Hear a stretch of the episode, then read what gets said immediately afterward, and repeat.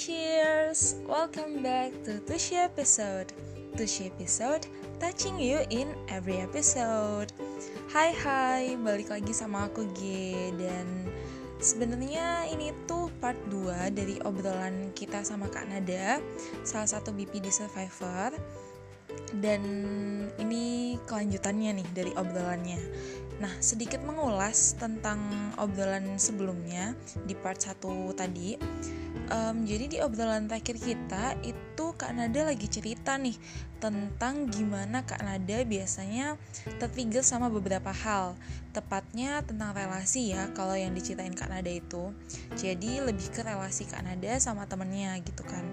Nah di mana sebenarnya tuh apa ya um, hal yang terjadi itu mungkin sepele dan itu tuh belum pasti gitu loh kebenarannya. Karena Kak Nada sendiri juga belum konfirmasi nih ke temannya apakah tweetnya itu benar untuk Kak Nada atau Kak atau karena Kak Nada atau bukan gitu. Tapi Kak Nada udah punya apa ya udah punya spekulasi atau sudah menganggap kalau wah ini karena aku nih wah ini ini dia capek karena aku nih.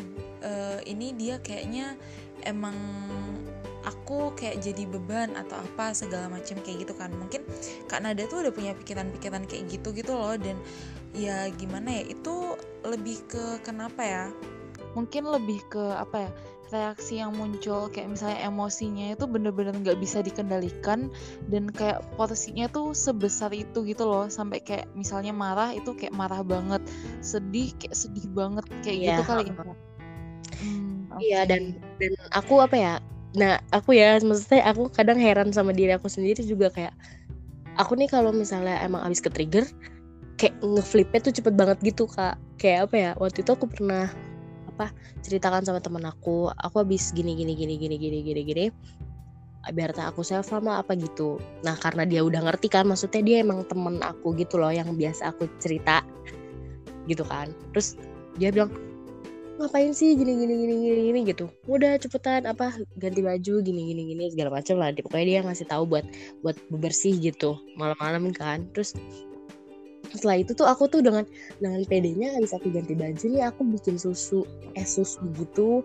Terus aku skincarean kak. Terus aku bilang ke dia eh nih gue udah bikin susu sama skincarean gitu terus yang kayak anjir lu cepet banget gitu. Jadi tuh kayak abis aku abis padahal aku abis cutting gitu kan kak terus aku yang kayak abis itu ngeflip ini cepet banget gitu dan kayak orang nggak ada apa-apa hmm, oke okay. jadi bener-bener maksudnya apa ya uh, selain mood swingnya yang cepet dan mood swing itu juga bikin kayak aktivitas yang kakak lakuin itu juga ya ya udah gitu kayak sebelumnya yang memang kayak cutting iya. tiba-tiba setelah udah mendingan itu langsung ngelakuin aktivitas bener yeah. kayak 180 derajat iya. berbeda yeah. gitu ya oh ya aku penasaran nih kak uh, aku itu pernah baca terus ada istilah um, yang namanya tuh kayak splitting gitu yang hmm. biasanya itu tuh uh, dari yang aku baca teman-teman BPD survivor itu kayak apa ya uh, sering kali kecenderungan untuk melakukan hal ini gitu kayak melakukan si apa ya aku mm-hmm. kurang tahu sih sebenarnya kayak itu tuh lebih ke yang kayak gimana disebutnya cuman ini itu tuh kayak bisa bener-bener apa ya nge-split orang-orang gitu loh. Jadi kayak yang awalnya itu karena kan mungkin dari yang aku baca aku juga baca kalau misalnya teman-teman BPD survivor ini lebih ke black and white thinking gitu. Kalau aku sih waktu itu pernah ya aku juga cerita nih sesuai maksudnya kejadian aja ya gitu ya kak. Soalnya kan kalau untuk menggambarkan perasaan tuh kayaknya susah banget deh kalau kalau cuma dengan kata-kata gitu kan. Kalau aku karena emang maksudnya pengalaman aku di situ ada gitu. Jadi waktu itu aku pernah kayak apa ya emang itu kesalahan aku sih kak. Waktu itu aku kayak melakukan kesalahan sebenarnya kecil sih cuma kayak sebenarnya apa sebenarnya cuma kayak uh, kan kita lebih baik kalau misalnya mau ngasih nomor gitu ya kayak kita mau ngasih nomor ke masih ngasih nomor teman kita nih ke teman yang lain kan kita mestinya izin dulu kan ke teman kita yang mau dikasih nomornya ini gitu kan. Nah, waktu yeah, itu yeah. karena itu saudara tuh dan aku posisinya baru bangun tuh jadi kayak aku kayak beler gitu terus yang kayak pas ditanyain nomor tuh aku langsung ngasih. Emang emang walaupun bukan bukan orang yang gak saling kenal ya maksudnya ini emang saudara gitu. Cuma terus ketika aku kayak gitu kan terus uh, salah satu FP aku nih kakakku gitu kan ngomong ngapain? Kok ngasih nomor eh kasih ngasih nomor nggak izin gini gini gini. Pokoknya dia nyalain aku di situ. Padahal sebenarnya emang salah aku kan maksudnya ya emang salah aku gitu. Terus ketika kayak gitu dari situ aku langsung ngeblok kakakku. Bukan oh. ngeblok kakakku doang. Di situ aku satu keluarga aku blok nah itu kan kejadiannya pas aku lagi kuliah ya. Nah kuliah aku tuh kayak tahun pertama tahun kedua gitu eh tahun pertama semester 1 semester 2 tuh kayak tinggal di asrama gitu kak. Nah ketika aku ngeblok itu aku bener-bener gak pulang sama dua bulan tiga bulan gitu. Emang ngehindarin gitu. Jadi kayak nah di situ aku posisinya langsung padahal ibaratnya posisinya tuh aku kayak biasanya nih aku ke teman-teman aku tuh cerita soal kakak aku ini nih kayak eh abang gue tuh kayak gini loh abang gue tuh baik abang gue tuh gini abang gue tuh gini gitu. Gili nah ketika kayak gitu tuh aku jadi yang langsung ih ngapain sih? gitu. Kayak iya iya rasa rasa benci gitu jadi kesel banget. Jadi kayak udah nggak mau ketemu lagi lah kayak gitu. Udah nggak mau pulang kayak gitu gitu jadi hal-hal yang kayak gitu. Tapi nah setelah ngalamin hal kayak gitu lari lagi ke yang lain. Jadi kayak ketika aku udah nyalahin nih aku udah kesel aku udah black and white orang uh, terus akhirnya aku lari ke aku overthinking kan. Aku overthinking akhirnya aku self blaming yang eh aku bilang ya Allah tapi gue ternyata ini ya apa namanya uh, jadi adik nggak bener banget jadi anak tuh nggak bener banget kayak gitu. Lari ke situ nanti lari lagi sedihnya sampai ke cutting kayak gitu. Jadi tuh kayak emang bener-bener kompleks gitu sih kak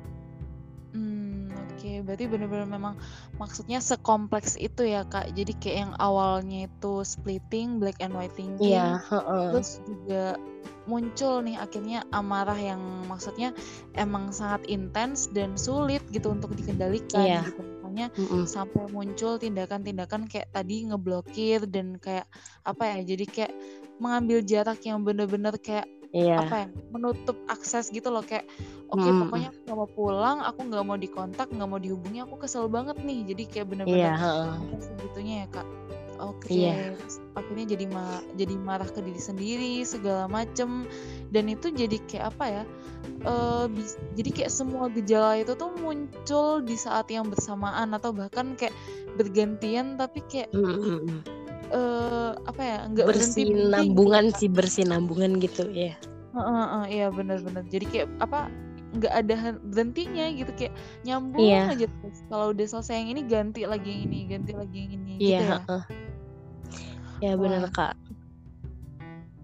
Wah itu benar-benar aduh aku aku nggak bisa nggak bisa bener-bener apa ya nggak bisa merasakan sih maksudnya di posisi kakak seperti apa gitu. Cuman denger dari cerita kakak aja aku tuh udah ngerasa kayak aduh itu pasti berat banget gitu. Dan kayak aku jadi ngerasa sedikit lega gitu bukan sedikit lega banyak lega gitu malahan. Jadi kayak maksudnya yeah. makasih banget karena kakak kayak apa ya udah mau bertahan gitu loh udah mau apa ya walaupun mungkin struggle-nya kayak banyak gitu yang mungkin aku juga nggak tahu gitu dan mungkin nggak bisa kakak ceritain sama aku dan tuh yang lain gitu. Tapi kayak kakak tetap mau gitu loh untuk survive gitu dengan dengan segitu banyaknya yang dialami dirasain gitu.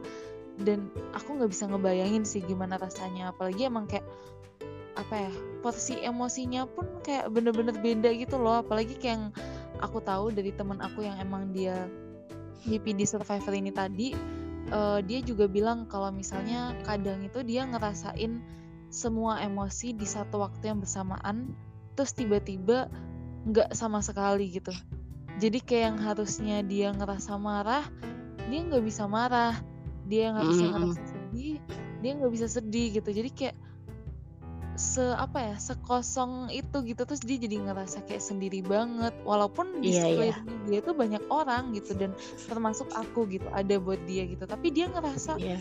kayak dia sendiri banget gitu wah itu bener-bener aku nggak bisa ngebayangin sih kak itu kakak bener-bener kuat banget aku bener-bener hmm. salut banget gitu aduh kakak keren ya, banget makasih kak hmm, keren banget kak kak jangan jangan sedih ya enggak enggak. Makasih bang banyak kalau udah di udah apa udah dikasih kesempatan buat cerita. Soalnya aku sejujurnya emang waktu itu emang pengen lihat ya buat speak up di di apa di akun pribadi aku gitu. Hmm, okay. karena sekalian kayak inilah mengkampanyekan kalau kita tuh datang ke profesional tuh nggak kenapa-napa lu tuh bukan orang gila gitu kan. Iya karena masih banyak ya masih banyak temen aku yang stigmanya kayak gitu kan. Kalau lu ke profesional lu ke psikiater lu ke psikolog lu konsul gini, gini segala macem tuh udah kayak ngapain sih lu? gitu. Ngapain sih lu? gitu. Lu gila apa gimana? gini gini gini gitu. Jadi ya kayak aku seneng seneng apa ya seneng ngampanyenya tuh seneng gitu kampanyenya. Jadi kayak pengen cerita cuma belum belum apa ya belum siap gitu. Aku takut juga sebenarnya masih takut kayak takut dipandang negatif sama orang gitu loh kak. Gitulah oh, oke oke okay, okay. gimana ya takut mandang kayak alah bohong kali alah gitu tuh cuma mm, iya ya udah deh gitu Iya sih, emang maksudnya uh, yang jadi kendala terbesar untuk teman-teman kita survivor itu uh, speak up adalah ya emang itu gitu. Maksudnya kayak judgement yang ada, terus juga kayak stigmanya yang emang masih bener-bener banyak banget dan besar banget gitu. Tapi ya Iya. lagi kayak satu-satunya cara kita untuk bisa kasih tahu ke semua orang kalau misalnya kesehatan mental itu penting dan kamu psikolog nggak masalah itu adalah dengan speak up gitu jadi kayak aku senang banget mm udah mau gitu untuk speak up bener-bener aku berterima kasih banget sih karena kakak kayak udah mau sharing di podcast Tushe gitu dan Tushe bisa Iya kak. kesempatan untuk apa ya untuk mengundang kakak untuk ngobrol sama Tushe itu apa ya aku ngerasa terharu gitu loh tersanjung banget dan sangat-sangat terima kasih gitu karena kakak mau sharing di sini bener-bener keren sih bener-bener makasih banget gitu buat kakak nah kira-kira iya kak sama-sama oke okay. kira-kira ada closing statement nggak kak Boleh. closing statementnya nih buat apa nih? Maksudnya buat teman-teman atau gimana? Boleh bebas. Buat siapa aja. Mungkin buat teman-teman BPD survivor atau mungkin buat teman-teman tuh cheers. Boleh buat siapa aja. Uh, kalau aku sih intinya ini ya. Maksudnya karena aku uh, apa speak up kayak gini tujuan aku untuk kayak kasih tahu kalau kesehatan mental itu beneran ada ya. Maksudnya penyakitnya juga ada bukan cuma menjadi orang yang hilang akal yang yang orang-orang tahu gitu kan. Maksudnya ibaratnya uh, ada loh orang yang gak stabil di antara orang-orang stabil yang kelihatannya ketawa, kelihatannya bersosialisasi gitu, tapi ternyata dia tuh punya punya sesuatu yang yang yang inilah yang apa ada luka yang nggak bisa dia ceritain ke orang lain kayak gitu kan. Terus ada hal-hal yang kayak apa ya yang yang mendalam gitulah terhadap individu masing-masing. Jadi kayak ketika ketika aku mikirnya kayak gitu kan mau gak mau kita harus tetap terus baik ya mesti sama semua orang gitu. Kayak karena kita nggak ada yang tahu nih beban orang-orang ini tuh apa. Terus kalau menurut aku sih kalau karena aku berdiri ya karena dari aku pengalaman punya BPD segala macam itu jadi kayak aku tuh ngerasanya kayak untuk sekarang nih aku jadi nggak pernah lagi ngejudge orang tuh cuma dari cover kayak orang ini nih kayak gini gitu. Padahal tuh sebenarnya kayak uh, apa ya kayak ada ada sebabnya ada akibatnya gitu. Soalnya aku kaget banget kan aku kaget banget ketika dari psikolog kalau ternyata self harm itu adalah sebuah gejala penyakit gitu. Itu aku kaget banget jujur ya. Jadi kayak kayak apa ya? Ya yang nggak bisa nggak bisa disepelein gitulah. Hmm, apa? ya, ya kayak apa ya? Ya pokoknya pokoknya intinya kayak gitu. Maksudnya kita tuh nggak bisa ngejudge orang gitu. Karena kita nggak tahu nih orang ini tuh sebenarnya kenapa kan kita nggak tahu ya. Hmm. gitu. Iya, bener dan sih. Iya terus ya jangan pernah takut ke psikolog karena jalan terbaiknya itu emang emang sebenarnya sakit ya ketika kita misalnya mungkin ada beberapa temen juga yang kayak takut ke psikolog karena takut sama jawabannya kan banyak yang kayak gitu oh, okay. takut sama takut ya kan jawab gitu. Mm-mm, takut sama hasilnya. Cuma menurut aku ketika kita tahu hasilnya nih, kita bisa tahu nih apa yang harus kita lu apa apa yang harus kita sembuhin gitu. Soalnya aku kan dulu sempat self diagnose gitu aku kira aku depresi gitu kan ya maksudnya depresi gini-gini segala macem. Eh ternyata aku didiagnosa BPD yang ibaratnya lebih kompleks gitu. Jadi aku kayak eh waktu itu sedih banget maksudnya sampai nangis-nangis sampai aku tuh kayak kok gue bisa kayak gini sih? gitu kan. Maksudnya kayak kayak gitulah ngerasa kayak kok bisa ya gue kayak gini? Oh kok bisa ya? Kenapa nih kayak gini gitu kan? Terus cuma di akhirnya jadi kayak ya ya udah itu kan ya udah emang itu didiagnosa kayak gitulah ya udah gitu. Maksudnya ya udah tinggal tinggal kita cari caranya aja nih gimana cara healing dari dari hal tersebut gitu kan. Kan kalau aku sih pernah baca katanya kalau kita itu nggak akan pernah sembuh kalau kita masih pura-pura ngerasa nggak sakit kan? Hmm oke. Okay. gitu. Wah ya ampun itu closing statementnya bener-bener maksudnya uh, aku sampai bener-bener langsung jadi kayak gimana? gitu waktu denger yang kalimat terakhir tadi tuh. Itu bener-bener yeah. keren kalimat akhirnya. Dan sebenarnya semuanya sih dari closing statementnya tadi. Dan emang kayak bener-bener poin-poin pentingnya itu bener-bener tersampaikan dengan baik gitu. Wah keren banget sih. Aku bener-bener berterima kasih sama Kak Nada karena udah mau sharing banyak hari ini. Mm-hmm. dan semoga bener-bener apa ya apa yang Kak Nada mau dengan Kak Nada sharing itu tuh bisa bener-bener terwujud gitu. Jadi kayak bisa bantu untuk uh, remind teman-teman juga semuanya dan segala macem yang Kak Nada udah mention tadi kayak kamu nggak boleh ngejudge orang tanpa tahu mm-hmm. baliknya terus juga jangan mm-hmm. takut psikolog dan jangan takut sama hasilnya karena kamu nggak akan bisa menyembuhkan apa yang bahkan kamu nggak tahu gitu sakitnya iya. gitu iya bener banget mm-hmm. sih oke jadi uh, karena kita udah ngobrol banyak juga nih dan udah bener-bener udah bener-bener membahas dari semuanya gitu ya. Udah bener-bener kita kupas dari pengalaman Kak Nada semuanya. Dan ternyata kita juga udah ada di akhir obrolan. Jadi aku mau pamit undur diri dulu untuk tucir semua. Um, Kak Nada sama aku G bakalan ketemu lagi sama kalian di lain kesempatan jadi don't forget to stay happy and healthy and see you on the next yeah. Tushi episode Tushi episode, touching you in every episode. Bye. Bye.